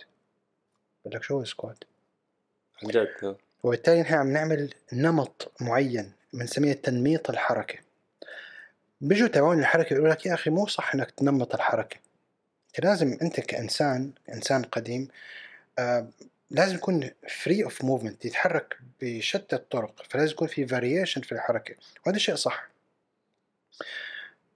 إمتى بنحتاج ننمط الحركة؟ لما يكون في عندنا رياضة معينة فنحن عم ننمطها لأجل هدف معين أنا عندي بطولة أو أنا بحب رياضة ال powerlifting فلازم أنمط بعض الحركات مشان أحقق الهدف هذا. حلو perfect معناها أنت حتضيف شيء آخر اللي هو إنك تتمرن التمارين اللي اللي الآن يطلق عليها accessory تخليها mandatory. وتتمرن تمارين variation مشان تفعل العضلات بزوايا مختلفة مشان تحافظ على صحة المفاصل وصحة العضلات. فأنت هيك حققت الهدفين طورت نفسك بالرفعات أو الحركات اللي نمطناها ودربت نفسك على ال variation الطبيعي للجسم لازم آه، يكون محققه. وهذا بيساعد هذا كل ما كان عندك آه، خلينا نقول freedom of movement عندك حرية في الحركة أكثر كل ما صار عندك control أكبر وبالتالي الحركة صارت أسهل عليك. صح. إمتى بتكون الحركة هي صعبة؟ لما يكون هذا ال limit تبعك ما فيك تروح أكثر من هيك. فهذا شيء جدا مهم آه لأنه في ناس بيقول لك يا أخي تنميط الحركة لا يعتبر شيء آه طبيعي لازم ما تنمط الحركة صح؟ فقط إذا كان يستهدف رياضة معينة. آه وبنعرف إنه العضلة ليش بنحاول نغير في الزوايا تبعت العضلة؟ يعني ليش مثلا ما بنعتمد بس ال conventional deadlift ليش بنعمل conventional sumo يمكن كمان في أنواع deadlift ثانية آه السبب إنه بدنا نفعل العضلات بمختلف الت- ال- التغذية العصبية يعني العضلة الواحدة تاخذ تغذية عصبية من عدة مستويات مجرد. آه، حركة واحدة بزاوية واحدة ما بتفعل هذا ال- ال- اللي بنسميه motor unit الوحدة الحركية. لازم تفعلها من عدة زوايا. هذا بيعطيك قوة أكبر وبالتالي يصير عندك force production أو آه، إنتاج للقوة أفضل وهذا اللي أنت بدك إياه عم تدور عليه آه، بالرفعات. بحس هذا الشيء ك powerlifter نحن بنعاني منه كتير. عشان إحنا أحيانا بطريقه التمرين اللي إحنا بنتمرن فيها ما في ال variation هاي الكبيرة وبالآخر بنتمرن بزوايا معينة وبنهمل زوايا تانية. فبصير في نوع من ال imbalance بين العضلات. فبحس إنه أنت أغلب الناس اللي powerlifters اللي بيجوا عندك في عندهم عضلة ضعيفة وهي اللي عم تسبب المشاكل. وبحس إنه في عضلات آه، كل ال powerlifters عندهم نفس المشكلة مثلا بال adductor بحس إنه ضعيف. أنا أغلب الناس ال powerlifters بحس انه ال adductors تبعهم ضعيف عشان إحنا ما ما بن- ما بنعطيه تمارين عزل له أو ما بنعطيه آه، يعني صراحة عم نهمله كتير بطريقة تمريننا. ومثل ما قلت لازم يكون في زوايا مختلفة لازم نشغل العضلات من كل هالزوايا عشان نقدر يكون عندنا أكثر force بال- بالحركة نفسها. ممكن الضعف بال adductor هذا هو اللي عم يسببني إني أنا أعلق بال squat وما أقدر أتطور؟ بمجرد إني قويت العضلة هاي ولا خففت الضعف اللي كان عندي صار ال squat أسهل. صح. فمنطقي والله. آم، في نقطة مهمة. آه، ليش بيكون في عنا واحدة من الأشياء اللي لازم تصير في التدرج آه، ال deload؟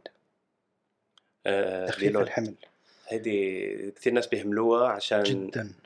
بحسها في عامل إيجو بالموضوع. آه يعني الواحد ما بيقدر يكون عم يشيل شدة معينة بعدين تقول له الأسبوع الجاي بدي اياك تخفف. لا ليه أخفف؟ أنا وحش. أنا بدي أشيل أوزان أكثر ولا ما بي... في ناس ما بيقدروا يخففوا أوزان بحسوا إنه ممكن آه، يخف مستواهم ولا ال... ال... البروجرس اللي وصلوا له الأوزان اللي وصلوا له يمكن تروح. بالضبط بالضبط. بس العكس الصحيح. بالضبط. في ناس بيفكروا إنه في ناس عندهم إيجو إنه ما بده ينزل بالأوزان تبعيته في ناس لا. آه، بيفكروا إنه لو خفف حيخسر ال gains الفائدة اللي حصل عليها. في ناس ما عندهم فك يعني ما عندهم علم إنه فعلا هو ممكن يفيد. آه، لكن ليش بنسوي ال deload هذا ال- الجهاز العصبي عنده مجال أو مقدار معين من التكيف آه، بنسميه neurological availability اللي هو آه، خلال الأسبوع الجهاز العصبي عنده قدرة على التكيف لكن إلى حدود لو كان ما له حدود التكيف يلا شيل يا وحش وروح وكل ما لك حتتكيف أكثر بس سرعة التكيف إلى حدود. هذا الشيء اللي بيحكم ليش تدرج الشخص هذا أسرع من تدرج الشخص هذا لكن هذاك الشخص أبطأ. كل واحد عنده تدرج. هون بنرجع لكلمة الفاريبيليتي اللي هي التغيرات أو المتغيرات بين شخص وشخص. آه، نفس شكل السكابيولا مختلفة من شخص لشخص. آه، الاختلافات التشريحية كمان في اختلافات فسيولوجية. مو كل الناس نفس نبض القلب نفس السرعة نفس التنفس نفس إنتاجية ال- ال- الطاقة. كل واحد له آه، له قدرة معينة وله مستوى معين حد معين. فهذا الشيء مهم جدا في موضوع ال deload والتدرج ال progression اللي بيصير. آه، بكل بساطة لأنه بيقول لك you cannot adapt more than what you cannot adapt. ما فيك تتكيف على جهد أعلى من اللي أنت بتقدر عليه. لما منخالف هذا ال- ال- القانون تحدث, إصابة. حدثت برفع أوزان حدثت بجري حدثت بالسباحة. الخطأ مو من الرياضة. الخطأ بنرجع بنقول من التدرج. هذه واحدة من الأشياء اللي ممكن آه، تسوي إصابة. طيب هلأ كيف الشخص آه، بيعرف آه، إنه صار وقت أسوي deload؟ عشان مثل ما قلت إنه في في variability بين الأشخاص والأشخاص تختلف. ففي ممكن شخص حيحتاج deload بعد ثلاث أسابيع في غيره ممكن بعد ثمان أسابيع. فكيف الواحد بيقدر يعرف أو يحكم إنه okay أنا احتمال إنه بحتاج deload هلأ. في أشياء آه، مثل مش symptoms بس في أشياء بتصير إنه الواحد لازم لو حسها ولا شافها فعلياً- بنفسه فعليا في symptoms. يعني في أعراض معينة ممكن تظهر آه، إذا ظهرت بنسميه آه، متلازمة الإجهاد الرياضي. بكل بساطة حأذكر بعضها إذا كان ال resting heart rate نبض القلب وأنت في وضع الراحة زايد عن الطبيعي تبعك. إذا كان آه، شهيتك للأكل قلت. إذا صار عندك تغير بال mood بشكل كبير. فجأة أصحابك صاروا يقولوا لك يا أخي أنت إيش بك صاير آه، عصبي بسرعة. بدك تطلع ترى يا جماعة ماني فاضي أطلع معكم بعدين فجأة بعد ساعتين يا تطلعوا يا شباب. عرفت؟ يعني مودي متقلب جدا. آه، إذا لقيت صعوبة في النوم آه، في جزئية جدا مهمة بالنوم حنحكي عنها. إذا لقيت صعوبة في النوم رغم إنه ما اختلف شيء عليك معناها إن عندك إجهاد كبير. فهي بعض ال- العوامل في عوامل في آه، خلينا نقول آه، آه، غير هي بس هي من أهم الأعراض اللي إذا ظهرت علي لازم أعرف إنه أنا عندي آه، مشكلة في في الجهد. هلأ أحيانا ما بيكون الجهد فقط أحيانا بيكون عوامل التشافي فيها مشكلة. طبعا هذا حياخدنا للسبب الثالث ليش ممكن تحدث إصابة غير التدرج. فهي العوامل أو هي الع- ال- العلامات هي اللي ممكن تعطينا هنت إنه أنا بحتاج ديلود بعض الناس كل أربع أسابيع بيحتاجوا deload بعض الناس كل ستة شفت آه، ناس كل ثمانية أسابيع. هل في شيء بيحدد لي أو بيخليني أتحسن؟ آه، مو كيف ممكن أحسن آه، قدرة الاستشفاء أو قدرة التكيف تبعي؟ شيء genetics ما ما فينا نغير ما فينا نخلي الشخص آه، جيناته أفضل فما يحتاج deload إلا بعد ثمانية أسابيع. يعني إلى الآن ما في أنا عن يعني- نفسي ما بعرف في بحس طريقة. إلى حد ما بنقدر نقول إنه ممكن نحسن من من آه، الوقت تبع الديلود لو لو حسنوا الراحة تبعتهم النوم حسنوا التغذية حسنوا ممكن. يعني هذه. العوامل كلها. طبعا. آه، عشان ممكن هني بالبداية أصلا ما عندهم تمرين مثالي ما عندهم برنامج مثالي. إذا أنت نومك من أولها خربان وأكلك مش مزبوط واستشفائك كتير قليل مش عم تعطي جسمك الراحة اللي بيحتاجها فال deload حيكون وقت رقم معين بس إذا ظبطت كل هالأشياء طبيعي حي... حيتحسن شوي حتقدر تتمرن لمدات أطول قبل ما تحتاج deload. بالضبط. هذول ممكن يساعدوا يعني في ناس بتكون عوامل التشافي عندهم قليلة وبالتالي يصيروا كل شوي بيحتاجوا deload كل شوي بيحتاجوا deload. هذا الشيء فعلا منطقي. آم، للأمانة ما قرأت عليه أي دراسات إنه فعلا لو تحسنت عوامل التشافي فعلا بصير آه، أقل احتياج لل deload. للأمانة ما قرأت عليها دراسات ممكن يكون في أنا بس عم ب... ب... من منظور هيك منطق بس بس بحس حتى التأثير ما حيكون كثير كبير مهم. كمان كله حسب الشدة اللي عم يتمرن فيها صح. يعني أنا بالنسبة لي لما بكون ماشي على برنامج powerlifting خصوصا من أسبوع لأسبوع في تدرج بالأوزان وأنا ال peak تبعي ولا أعلى الشدة بعد ثالث رابع أسبوع خلص لازم أعمل deload.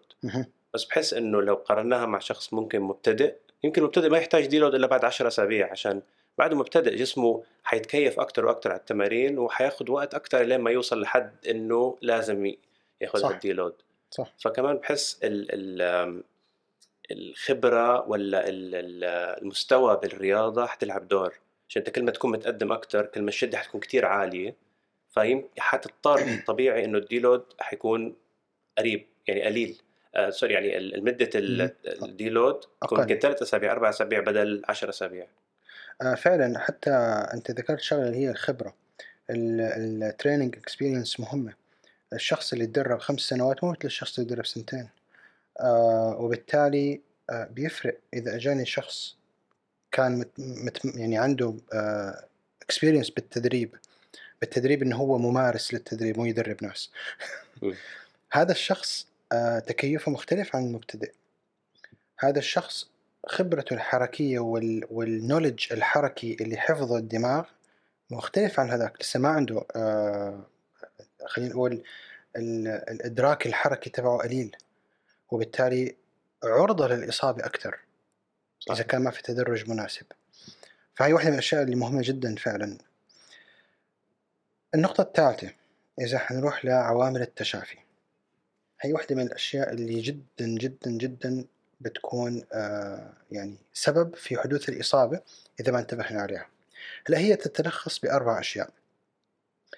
sleep, stress, nutrition, hydration. النوم الضغوطات التغذية والتروية أو الترطيب. لو حأختار واحدة من هدول الأربعة على أنها هي أهم واحدة نوم. النوم بلا منازع. يعني مع إنه البريشر ضغوطات قريبة منه بس النوم رقم واحد. لدرجة إنه في آه، النوم بسموه سر الحياة العظيم. هو إكسير الحياة فعليا. الناس فكروها تضيع وقت. إنه يا عمي أنا هلا حنام أضيع 8 ساعات. وهو هي الثمان ساعات هي اللي بتخليك productive أكثر في باقي ال- اليوم. آه النوم عالم كبير للأمانة و- وصعب جدا تختصره بساعة ولا ساعتين بودكاست. لكن ممكن آه لو بدنا نقسم النوم ونعرف أهم الأشياء اللي بتصير فيه. خلينا نقسم النوم ل آه فترتين. فترة بنسميها الريم اللي هي Eye Movement. آه فترة ما بعرف تحديدا آه ليش وصفوه هو طبعا العين بتتحرك بشكل سريع أثناء الفترة هي لأنه بيكون العقل نشط فيها فممكن هذا السبب بتسميته بهذا الشكل إنه هي العلامة الفارقة في هذه الفترة. وفي النون ريم نون رابيد اي موفمنت هلأ شو بيصير بالنون ريم من ضمن الأشياء تقوية الاتصالات العصبية وتثبيت اللي تعلمته خلال اليوم في الذاكرة طويلة الأمد. نرجع نطبقها فورا على الحياة الحقيقية. لما تتعلم تكنيك جديد وبعدين تروح تنام ونومك تخبيص أنت فعليا ما عم بتثبت الذاكرة الحركية في الدماغ.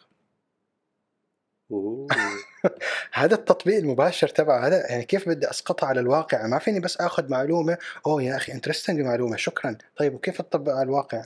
صح. كثير أنا كنت آه، أسمع معلومات بعدين انبسط فيها أوه معلومة جديدة yes. بعدين بتيجي بتطبقها. okay كيف نطبقها على الواقع. كيف نسقطها على الواقع؟ ف آه، كنت أتضايق إنه okay عندي معلومة بس ما اعرف شو أسوي فيها. آه فهي واحدة من الأشياء اللي آه فعلا أي شيء بنتعلمه سواء وكل ما كان عندك صعوبة في الإدراك الحركي يعني مثلا ممكن ال powerlifting كم حركة بسيطة وخلص. طيب وكرة القدم martial art هي فيها لسه techniques أعلى وفيها تعدد حركات أكبر. إذا ما نمت بشكل جيد وسمحت للتواصل العصبي يصير أنت فعليا ما خزنته بال subconscious اللي هو فعليا نحن بنعيشه ال subconscious أو بنعيش يومنا آه، 80% 80% من منه خلال السب كونشس وال20 أو 10% تكون واعي على يومك. فتخيل يعني شو ممكن يصير. آه على مستوى أعمق من ال non-REM شو بيصير؟ بتقل آه بيقل نبض القلب درجة حرارة الجسم التفعيل العصبي وبينتقل الجسم يعني بهالأشياء بيحاول ينتقل من إلى وضع الراحة والهضم اللي هي ال rest and digest اللي هي فترة ال recovery الحقيقية اللي بيرمم كل الخلايا اللي صار فيها تضرر اللي صار نعم بالأخير نحن آه، جزء من من الأشياء اللي بتصير خلال التدريب بصير في تكسر بسيط في العضلات. آه، بغض النظر عن إذا كان هو السبب ال- ال- النمو العضلي ولا لا ما حندخل بالموضوع. لكن عشان يصير recovery جيد واستشفاء جيد لازم أسمح للجسم يدخل في هالمرحلة العميقة من النوم. آه، بيحسن وظيفة الجهاز المناعي. والدفاعات وبالتالي أنت أقل عرضة للزكام وبالتالي أنت أقل عرضة آه، أو أقل آه، تغيب عن الجيم لأنك تعبان لأنه حرارتك مرتفعة لأنه آه، ما قدرت تتمرن اليوم حاسس بإرهاق وتعب فأنت فعليا لما تنام منيح نسبة تغيبك عن التدريب أقل بكتير وبالتالي التحسن حي- حيكون مستمر أكثر آم، إيش كمان؟ طب دقيقة هلأ مم. ال... أنت قلت نقطة مهمة إنه ال REM sleep هو المهم بال... بالاستشفاء. يعني آه، non-REM بس ال- ال- ال- المستوى الأعمق من ال non-REM بس هو still non-REM بقى شو هي ال- يعني شو هي الطريقة اللي نحن بنقدر نجيب فيها جودة النوم العالية؟ عشان أنا عارف إنه جودة النوم كمان مهمة مش بس مدة يعني ما بنقدر نقول بس 8 ساعات آه وأنت هيك استشفيت من ال من ال من ال من يومك. ففي جودة النوم يعني أنا مثلا شخصيا ما بعرف إذا هي بلاسيبو ولا لا لكن أنا لما من وقت ما بدأت أستخدم مثلا supplement مثل ZMA قبل ما أنام. عم بحس إني عم بصحى وأنا مرتاح وأنا يعني كأني استشفيت عرفت؟ بس قبلها كنت أصحى وأنا تعبان مع إنه عم نفس المدة. فشو كيف نقدر يعني نحن كرياضيين كيف نقدر نحسن من جودة النوم؟ في أشياء بنقدر نعملها؟ طبعا في. آه هلا الريكومنديشن بيقول لك إنه متوسط عدد الساعات من سبعة ل تسع ساعات. الأدلة تثبت إنه أي شخص بينام أقل من ست ساعات آه وما ما ظهر نسبة آه خلينا نقول إجهاد أو تعب أي علامة من علامات الإجهاد والتعب هي صفر بالمية. يعني أي أحد بينام أقل من ست ساعات حيكون عرضة لأنه يصير في خطأ خلال ألو... ال- الوظيفة تبعيته. حيبان عليه إجهاد حيبان عليه تعب وبالتالي حيصير في ايرور معين في أدائه لأي وظيفة سواء كان طبيب رياضي جراح. وفكر بقى بكل المهن اللي تستدعي انتباهك يكون آه، عالي. بس أنا سمعت ما بعرف إذا المعلومة صح ولا لا بس في ناس بيقول لك من الجينات تبعهم بيقدروا يناموا أقل ويكون صح. عندهم نفس الاستشفاء؟ تقريبا. هدول ما بس هذا الشيء عن جد حقيقي يعني. بس هدول 30% فقط. أغلب الناس آه ما بين السبعة والتسعة ساعات. والله نيانا اللي بيقدر يناموا قليل والله. عندهم عندهم ساعات زيادة نحن ما. بنقدر نستغني عنها. لكن آه، أحيانا يعني في ناس بيقولوا لك إنه أنا صحيت وخلص حاسس إني صاحي. لكن فعليا هو لا مو حاسس إنه صاحي. في أسباب تانية بتخرب عليه. بس مو مو منتبه له. ال- الفكرة حنوصل بعدين كيف نحسن جودة النوم. في شغلة مهمة أهم من جودة النوم كيف النوم بتأثر حتى على الحالة النفسية وبالتالي بتأثر على التشافي من الضغوطات. عشان هيك قلت لك هي أهم من الضغوطات. الضغوطات أحيانا ما فينا نتحكم فيها. طبعا في الضغوطات حنجيب حنجي على تفرقة معينة بسيطة بس مهمة جدا. آه ما فينا يعني نتحكم بكل أنواع الضغوطات لكن النوم آه، يعتبر مثل overnight therapy session يعني كأنك جلسة علاجية وأنت نايم بس علاجية لإيش؟ ممكن نوصفها ب كأنك عم تعمل آه، كأنه بلسم على المشاعر وعلى ال- ال- الجزء العاطفي فينا بسبب اللي الصعوبات اللي واجهناها خلال اليوم. وهذا الشيء بيخفف من ش- من آه، من المشاعر اللي بتكون أمام تحديات معينة واجهناها. ففي عندنا مشاعر أحيانا غير مزعجة آه، إحباط يأس هالأشياء بتأثر علينا. فالفترة هي تبعيت الننرم العميقة بت... مثل كأنه فترة نقاهة عاطفية. هذا الشيء بيعطيك استعداد أفضل ثاني يوم الصبح. وبالتالي مودك أفضل وبالتالي أدائك في اليوم أفضل. صح. ف... فهذا الشيء فعليا مو الوقت بيشفي ال- الجروح أو الإصابات. النوم. الوقت خلال النوم. الوقت خلال النوم. فهو اللي فعليا آه، آه، يعني بيشافينا وحتى بسموها فترة آه، النوم الأحلام اللي بتحدث فيها الأحلام. طبعا مو مكان آه، في هذا البودكاست لكن حتى الأحلام وجودته علامة على جودة نومك. أنت بتحلم كوابيس ولا بتحلم أحلام آه، آه، جيدة سعيدة بتفيق ثاني يوم أنت مبسوط ولا لا؟ والله. طب خلينا نفرق بيناتهم. طب اللي بيحلم كوابيس شو معناته؟ لا جودة موضوع الن- كبير. خليها خليها إيه. يوم ثاني بنحكي فيه عن النوم بشكل معمق. ف... فهذا الشيء كمان جزء من العلامات على صحة أو جودة النوم. طيب آم، سألتني كيف الواحد بيحسن جودة نومه. طيب نحن بنعرف شو اللي, اللي يأثر على النوم عشان نعرف كيف نحسنه. من الأشياء اللي بتأثر على النوم الكافيين. طبعا أوه. حيستغربوا الناس. الكافيين مفيد وله فوائد. صح صح يا كلنا صح. عندنا هالمشكلة. وأنا بحب القهوة جدا. أنت عندك قهوة هون؟ عندي قهوة هون. الفكرة الكافيين فكر فيه مثل ال- مثل أي مادة كيميائية إله إله half life time معين بيضل اثره بالجسم وبيأثر على الدماغ. وجدوا إنه الكافيين نشط لمدة 12 ساعة. أوف. بس أكثر نشاطه هي أول أربع إلى ست ساعات.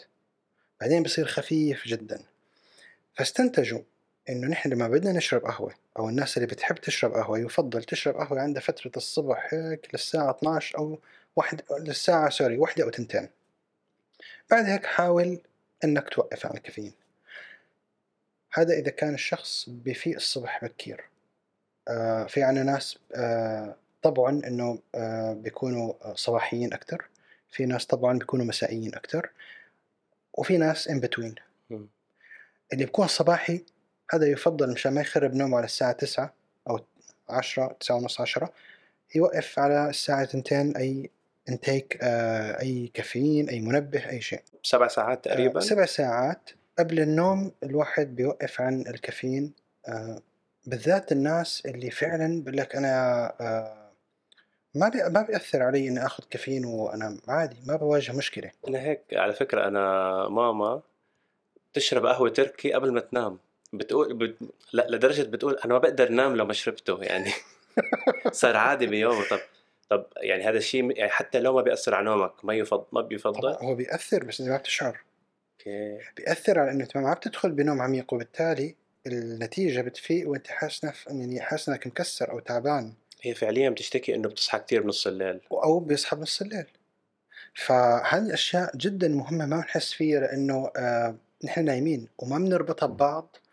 لأنه أنا شربت قهوة ونمت بعدين صحيت مكسر. ما حربط إني أنا صحيت مكسر بإني شربت قهوة. إحنا بس بنربطها لما ما نقدر ننام أصلا. بالضبط. فهي هي الشيء اللي بيأثر على على جودة النوم من غير ما نشعر. آه لو في شغلة واحدة نصيحة واحدة آه ممكن نقدمها في تحسين جودة النوم الانتظام. خلي مواعيد النوم عندك منتظمة. سواء في ال weekend أو في آه أيام الأسبوع. هاي المشكلة. في ناس بينتظموا وبيجي ال weekend يا بخربوها. سلام. هذا الشيء اللي بيخرب عليه باقي ال- الأسبوع. كل ما كان الجسم عرفان متى حيدخل مرحلة الاستشفاء ومتى حيخرج منه اللي هو النوم كل ما كان كفاءته أفضل. إذا أنت آه، لخبطت الجدول تبعه مرة بتنام الساعة 9 مرة الساعة 12 مرة الساعة 10 مرة الساعة 2 بالليل. آه، حيفضل ضايع. وبالتالي ما حيعطيك كفاءة عالية في ال في, الريكفري هاي من ناحية النوم. الضغوطات. شيء بسيط جدا بس حن حنتكلم فيه عن الضغوطات وهي تفرقة ما بين stress و tension كثير ناس بف- بفكرون آه، مترادفين لبعض. ال stress وال tension نفس الشيء. آه، في فرق كبير بيناتهم. الفرق بكل بساطة. ال stress شيء خارجي. ال tension من الداخل. ال tension أنت بتصنعه لحالك. ما حدا ب... ما حدا بيجيب لك إياه. الخارجي هو الضغوطات. يعني tension آه، مثل ردة فعلك أنت ردة للضغوطات. فعلك. بالضبط. وجدوا إنه ال- العامل الأقوى والمؤثر هو ال tension وليس ال stress. بالعكس ال stress يحسن لك آه الأداء ويحسن لك آه المهارات ال- ال- آه، الذهنية. عشان هيك بقول لك لازم تتعرض ل stress بسيط في الحياة مشان تطور من ال- القدرة الذهنية تبعيتك أو أو المهارة النفسية تبعيتك. لكن ال tension هو المشكلة. ال tension هو اللي أنت بتفكر فيه كيف اللي عنده تفكير سلبي؟ يعني دائما بتوقع السيء آه هلأ أكيد حيتأخر وحيصير هيك وحي... وعدد لك كل المشاكل السلبية. كلها بتصير معه. وكلها بتصير معه، لأنه هو عم آه، يفكر فيها بس. صح آه مشان هيك ال... إذا كان في شيء مهم إنك تنتبه له هو ال tension وليس ال stress وعادة بيشتغل بال subconscious ونحن أغلب حياتنا بنعيشها بال subconscious 80% يعني عم يأثر علينا وإحنا مش حاسين فيه. بالضبط. مشان هيك يعني آه، دائما بقول لك most our problems comes from our con- subconscious أو unconscious mind. فنحن لازم آه، أغلب المشاكل بتجينا من العقل اللاواعي. مشان هيك لازم ننتبه له. في كتاب جدا جميل اسمه tension myositis syndrome. كيف ال tension؟ بيأثر على العضلات لدرجة ممكن يصير حتى آه، مثل التهاب في العضلات بسبب أو متلازمة تشابه التهاب العضلات بسبب ال tension. حلو خلينا نحط الكتاب هذا بالوصف عشان الناس تشوفه فهذا واحدة من الأشياء الأساسية بالضغوطات. هلأ بنيجي على التغذية والتروية. طبعا أكيد آه، خبراء التغذية أفضل مني بكثير من هالشيء. لو حنتكلم عن ال- ال- التغ- التغذية يعني الحمد لله صار في وعي جيد. التروية أو الترطيب هو شوي الناس آه، يعني لسه ما هي مدركة أهميته. فقط يعرفوا أنه 75% من الجسم عبارة عن سوائل آه، ومن ضمن فوائد السوائل هي الحفاظ على السائل الزلالي في المفاصل وبالتالي تليين المفصل. هي لحالها بتكفي نعرف ليش آه، أو كيف ممكن نحمي مفاصلنا بس بمجرد ترطيب. طبعا غير محافظة على درجة الحرارة غير آه، آه، نقل الأكسجين والهرمونز والمغذيات وإزالة الفضلات هي كلها آه، ثاني أكسيد الكربون اليوريا الأمونيا اللاكتيك أسيد كل هدول من خلال السوائل. فتخيل لو أنت عندك الترطيب قليل يعني الفضلات ما عم تتصرف بشكل جيد حرارة جسمك ما عم تخف ما في ما عم يوصل أكسجين ولا عم يوصل المغذيات اللي عم تاخذها فعليا ممكن أنت تاكل وتاخذ احتياجك وما تستفيد من هذه الدرجة. فهي أهمية ال- التغذية والد... أنا بحس إنه الناس بتعرف أهمية المي بس بتهملها على كل الأحوال. في في طبعا في يعني بقول لك ماني شاعر بالعطش. بالضبط. ما هو مو لازم دائما تشعر بالعطش تشرب لأنه تكون هيك وصلت لمرحلة جفاف نوعا ما مرتفعة. فهي أهم الأشياء في عوامل التشافي. السؤال الذهبي الأخير أنا هلا انصبت مم. شو أسوي؟ ولا شيء قبله؟ عشان بحس إنه آه هو في في كثير أشياء صراحة بس يعني إحنا الحديث أخذ معنا وما حسينا بالوقت بس هلا بشكل يعني بسيط. لو هلا واحد مثلا إجته إصابة آه اصابه ما ما نقول ما نحدد شو هي الاصابه. شو هي الخطوات اللي يفضل إنه ياخذها عشان آه، يعني يكمل؟ يعني أغلب الناس ولا الدكاترة حيقولوا له وقف تمرين ريح أسبوع أسبوعين. ولا ما بعرف كم مدة وبعدين جرب تاني ما بعرف. بس أنت شو أنا بحس إنه هذه ال- ال- النصيحة إنه ريح بس من أكبر الأغلاط اللي الواحد ممكن يعملها لو لو انصاب. طبعا هلأ في شغلة مهمة آه في بروتوكولز بتساعد الشخص على يعني خلينا نقول مثل أشياء خطوط عامة بالذات الإصابات اللي ما بتكون كثير قوية. من ضمن البروتوكولات هي بروتوكول اسمه بوليس كاختصار أول جزئية ال P هي protect تعرضت لإصابة احمي المنطقة في البداية. كيف يعني احمي المنطقة حنجيب مثال نطبق مثال عملي. أنا والله كنت عم بتمرن وأنا بتمرن مثلا عملت jump و twisting وهال يعني هال movement اللي فيه agility وشعرت إني آه، مثل شعرت بشدة عضل ومثل الركبة هيك فلتت علي. بس ماني عرفان هل هي إصابة هل هي twist هل هي التواء. حسيت بألم وقعت. okay أول شيء احمي المنطقة لا تقول أوه خلص بسيطة وترجع تكمل. آه، احمي المنطقة آه، حاول تشوف هل الحركة سهلة. ولا لا. إذا كان في حركة بسيطة والألم محتمل أوكي احمي وارت- وارتاح يوم يومين. هذا الطبيعي. ارتاح يوم يومين وليس أسبوعين ثلاثة. والراحة ما هي complete rest. هون بيجي بعد شغلة اسمها optimum loading من بوليس O L. ال O وال L هي ال optimum loading يعني الحمل المناسب. الآن أنا صار عندي إصابة. أكيد الحمل اللي حيصير على المفصل مو مثل الحمل اللي أنا من غير إصابة فلازم يكون في شيء مناسب لها.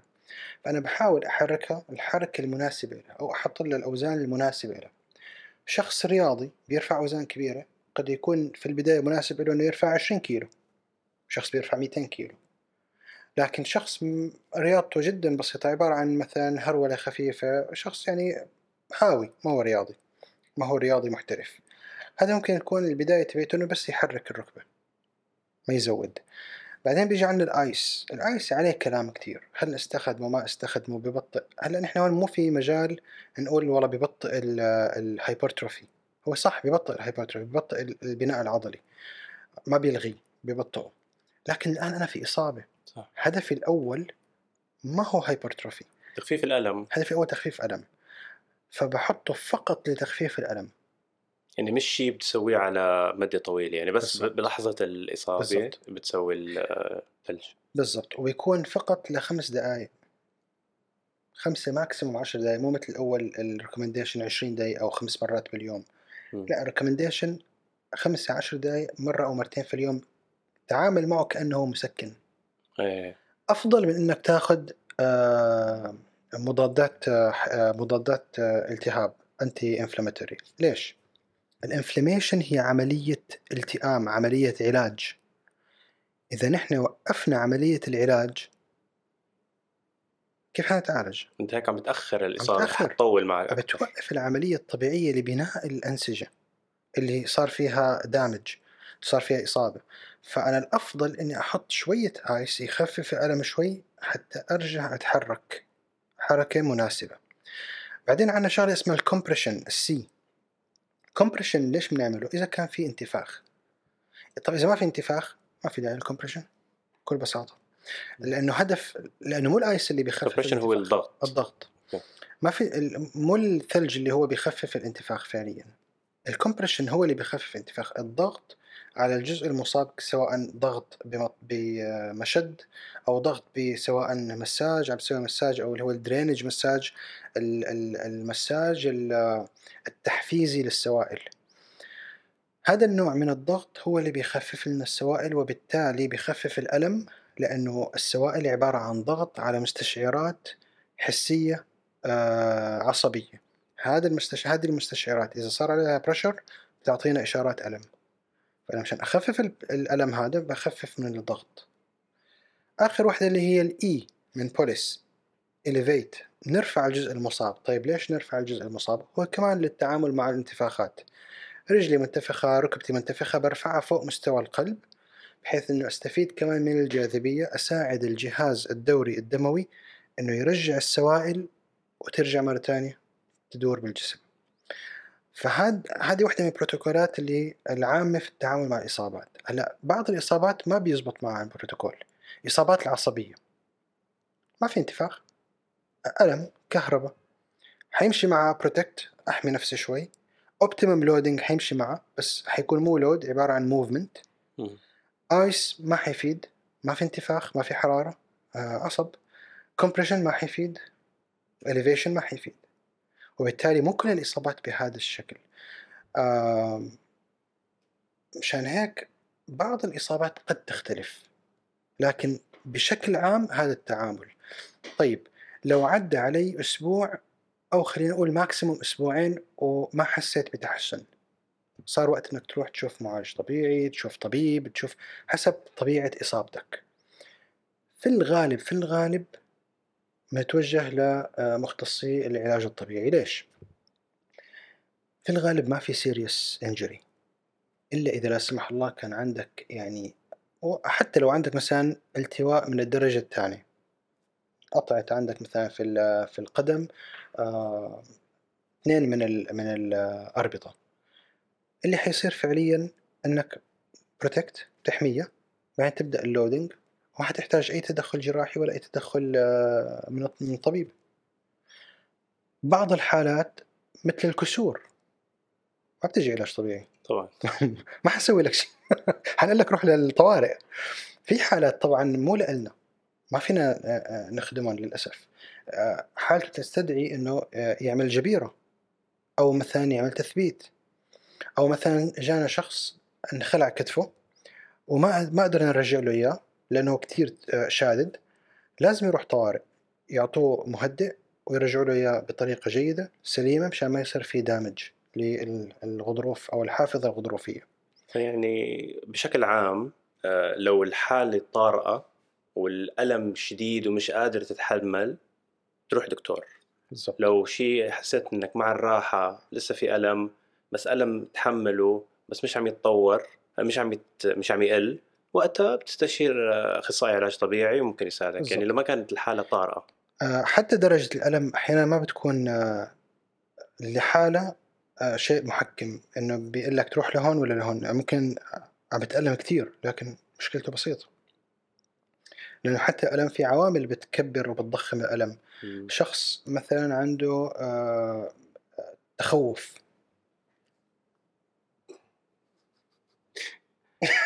خلص الميموري تبع الكاميرا خلص طيب آه، المهم الصوت عم يسجل صح؟ الصوت عم يسجل نكمل هي حتى شخص عنده تخوف آه. catastrophizing اللي هو تضخيم المشكلة فمثلا وقع والتوت رجله أوه أنا أكيد انكسرت. لا. ما أكيد انكسرت يا حبيبي بس طول بالك okay لأنه إصابة روح أعمل أشعة حلو لما يكون في عندنا injury عشان نتأكد إنه ما هي كسر ولا في أي serious injury صارت سوي أشعة. الغريب إنه بتلاقي الدكاترة يقول لك لا إن شاء الله بسيطة لا تسوي أشعة. هلا أنتم وقت لازم الأشعة وتقولوا ما في. لكن لما يجي واحد يقول لك والله عندي ألم كتف صار له مثلا خمس سنين يسوي لي أشعة. تضارب يعني تماما عكس. آه، في الإصابات لازم أسوي أشعة أستثني الأشياء الكبيرة كسور نزيف داخلي إلى آخره. آه، غير هيك خلص. بيبين معناه أما هو فعلا علاج طبيعي وهذا في الغالب أو لا بيحتاج والله في عنده كسر بيحتاج تدخل طبي من عظام من طبيب عظام أو آه، طبيب الطوارئ. والله منطق. يعني عشان ب... في في ناس بيروحوا على كل الأحوال على طول على طوارئ ولا على طول على دكتور. وبحس ما مش دائما حيستفيدوا من ال كعلاج عشان الدكاترة عندهم البروتوكولات تبعهم وبتختلف عنكم أنتم وممكن هذا ما يساعد الشخص هني بشكل عام بيعطوك مسكنات وبيقول لك ارتاح. ومضاد التهاب وهذا الشيء اللي بي- بيخرب عملية التشافي.